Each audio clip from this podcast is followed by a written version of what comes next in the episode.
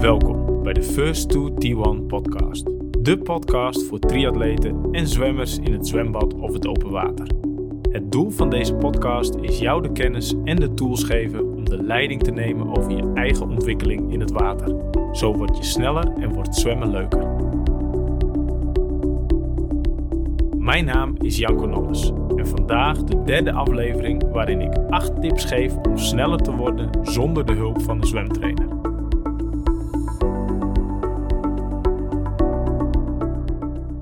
En we beginnen weer met de tip van de dag.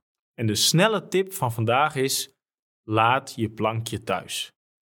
Plankjes kunnen heel goed helpen om relaxed borstkrolbenen te zwemmen, maar ze zijn niet zo goed voor je ligging. Je wordt een beetje lui, je buik gaat hangen, je hoofd is in je nek. Daar wil je hem niet hebben voor een goede ligging, dus werken ze eigenlijk contraproductief. En ze zijn eigenlijk overbodig. Je kunt prima borstkrolbenen zwemmen zonder plankje. Het enige waarbij het van toegevoegde waarde kan zijn, is als je langere afstanden benen wil zwemmen en heel graag met je buurman wil praten. Je kunt beter de tijd gebruiken om al borstkrolbenen zwemmend aan je ligging te werken, waarbij je armen voor je hoofd houdt, één arm voorhoudt of welke andere liggingsoefening dan ook, maar de tijd gebruik je effectiever door zonder plankje aan je ligging te werken. De snelle tip van vandaag is dus: laat je plankje thuis. En dan het onderwerp van vandaag.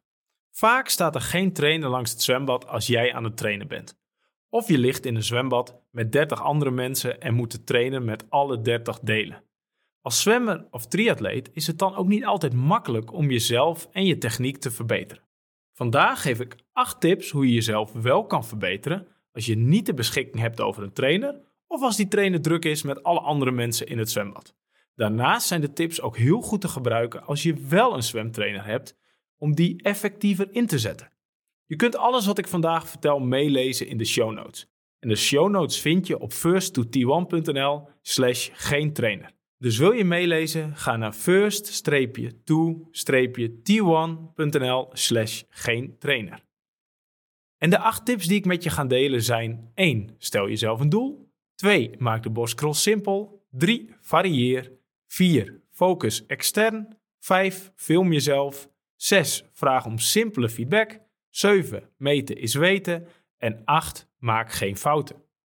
De eerste tip. Stel een concreet doel. Een concreet doel zorgt ervoor dat je gericht ergens naartoe werkt in een training of over een serie trainingen. Borstkrol verbeteren als doelstelling is niet specifiek. Vaak hoor ik mensen: ik wil werken aan mijn ligging of ik wil werken aan mijn doorhel.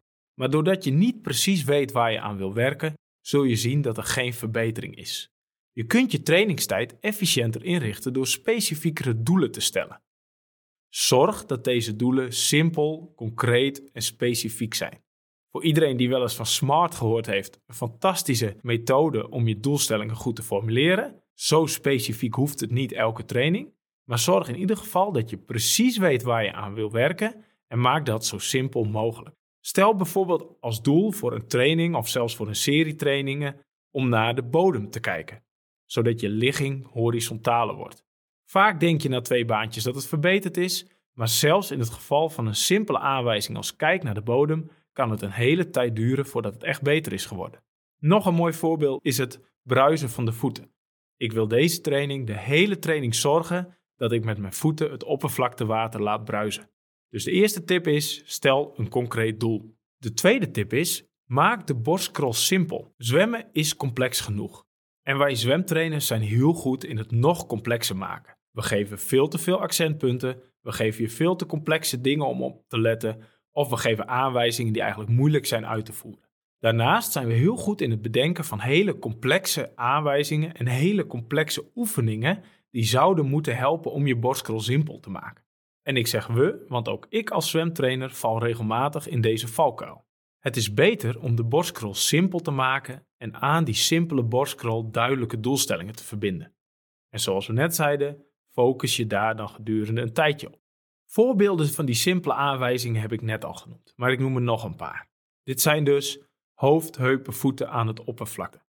Je hand mag niet voor je neus langs na de insteek. Laat het water bruisen. Kijk naar de bodem. Steek met je vingers eerst in.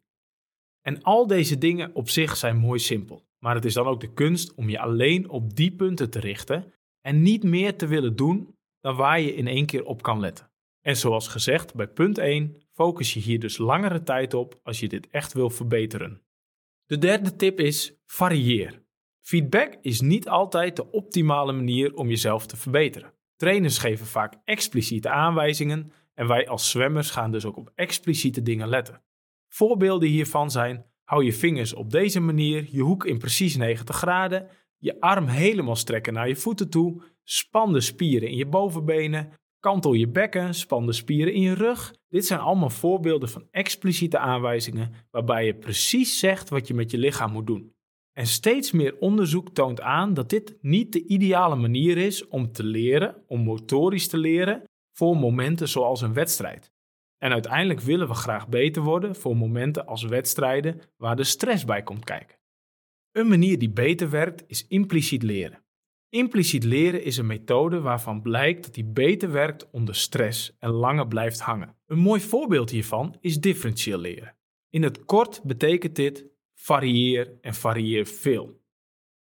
Dus in plaats van concrete aanwijzingen geven als hou je arm zo en zo, proberen we zoveel mogelijk verschillende opdrachten te bedenken tijdens het doorhalen van die arm, of het overhalen of een ander aspect uit de borstkrol.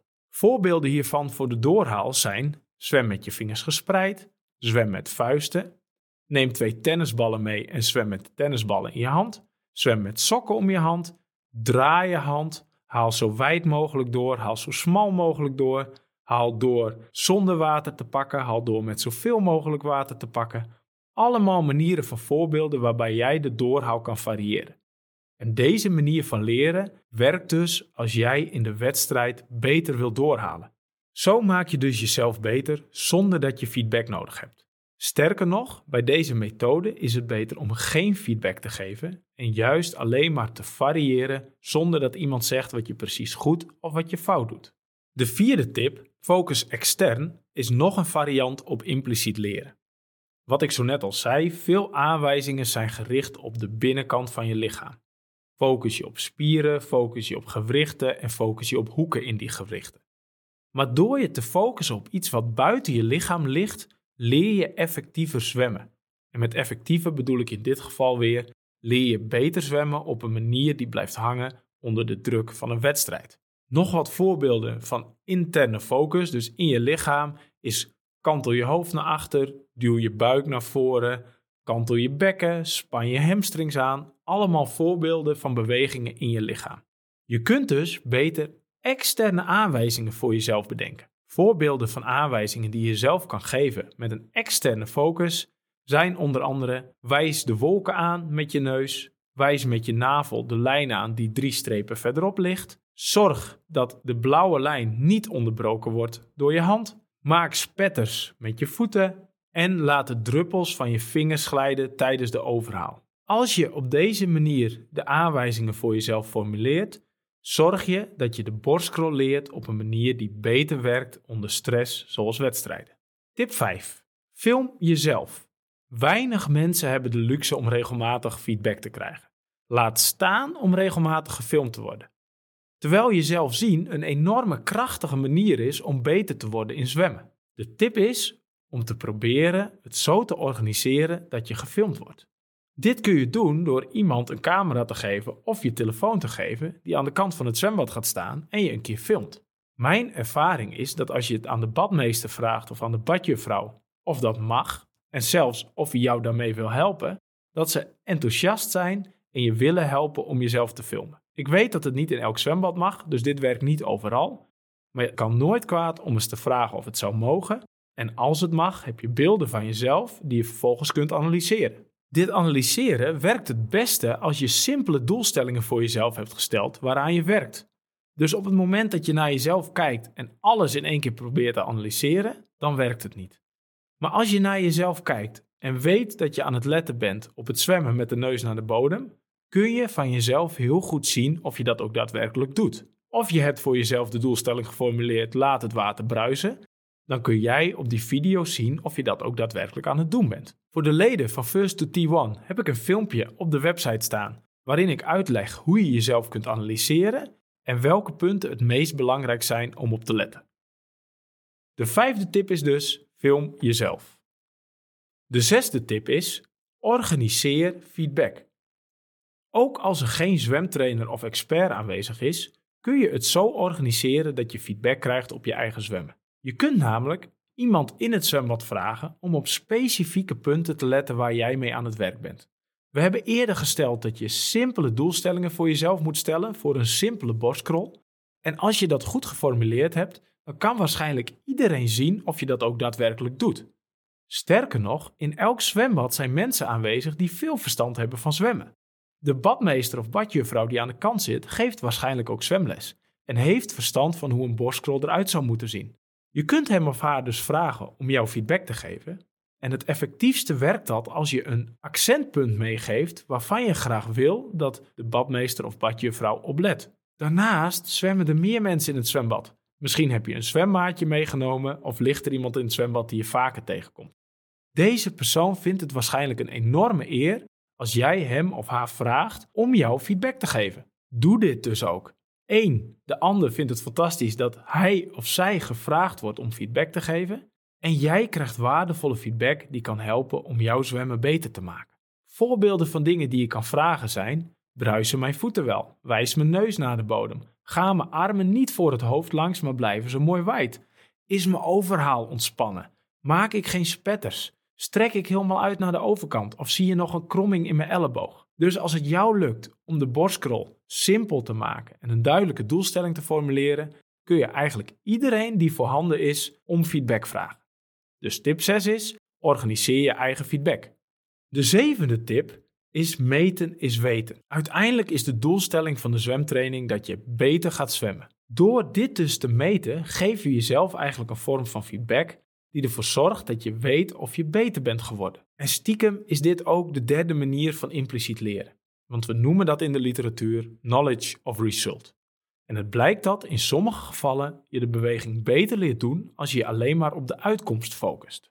Nou is dit wel een beetje gevaarlijk, want door je alleen maar te focussen op bijvoorbeeld de tijd, kun je heel geforceerd gaan zwemmen en ben je alleen maar bezig met of die tijd ook sneller wordt. En dat is in dit geval niet de bedoeling. Je moet voor jezelf dus ook heel goed bedenken wat je wilt meten. Dit kan namelijk de tijd zijn, maar het kan ook een andere uitkomstmaat zijn als het aantal slagen wat je over een bepaalde baan doet. Of je hartslag gedurende een bepaalde afstand met een bepaalde tijd. Wat ik zelf regelmatig doe is een 200 meter zwemmen in de training. Dat doe ik op rustig tempo. Ik kan voor mezelf heel goed voelen wat rustig is. En ik kijk dan wat de tijd is die daaruit komt. En vaak blijkt dat als die tijd langzamer is, en ik kijk even kritisch naar mijn eigen techniek, dat de techniek minder goed is geworden en dat daardoor de tijd minder goed is geworden. Een mooie opdracht om jezelf in de training te geven is: zwem 4 keer 25 meter, tel de slagen en probeer elke baan één slag minder te doen. Je moet dan als zwemmer op zoek naar een oplossing om minder slagen te doen. En als het lukt om dit te doen zonder te gefocust op de techniek te zijn, is dit een hele effectieve methode om uiteindelijk je slag efficiënter te maken en je slaglengte te vergroten. Dus door een aantal zaken te meten in het zwembad, bijvoorbeeld je tijd dat je over een bepaalde afstand doet met een bepaalde inspanning, of het aantal slagen wat je doet over een baan, kun je jezelf beter maken zonder dat de feedback van de trainer nodig is. En daarom is tip 7: meten is weten. En tip 8, en daarmee de laatste tip van vandaag is: maak geen fouten. De beste manier om geen zwemtrainer meer nodig te hebben is om geen fouten te maken. Maar we weten ook, de ideale borstkroltechniek bestaat niet. En we weten ook dat elke keer als ik in het zwembad duik, doe ik misschien een aantal dingen niet op de ideale manier. Want ondanks dat er geen ideale techniek is, zijn er wel dingen die je tegenhouden of dingen die je langzamer maken. Heb je dus het idee dat je mogelijk iets niet goed doet, of je weet zeker dat je iets niet goed doet, ga niet door met zwemmen, maar zorg eerst dat je die zaken corrigeert. Heb je bijvoorbeeld om de simpele feedback gevraagd en zegt de badmeester je kijkt de hele tijd naar voren, zorg dan dat je eerst dat verbetert voordat je verder gaat met trainen. Want anders blijf je de fouten er verder inslijpen. En daarmee kom ik op het tweede punt van maak geen fouten. Ga geen kilometers lang zwemmen als je techniek niet goed genoeg is. Wat er vaak gebeurt in de training, zeker ook bij mezelf, is dat ik op een gegeven moment moe word, waardoor mijn techniek langzaamaan minder goed wordt. En als ik op dat moment blijf doorzwemmen, dan leer ik dus mijn lichaam dat zwemmen met de verkeerde techniek een goed idee is. En dat wil ik niet. Ik wil mijn lichaam leren dat ik altijd met een nette en met een goede techniek zwem. Als jij dus met een lange kern bezig bent en je constateert op een bepaald moment dat je techniek niet meer is zoals je het graag zou willen, moet je jezelf afvragen of het dan nog een goed idee is om verder te zwemmen.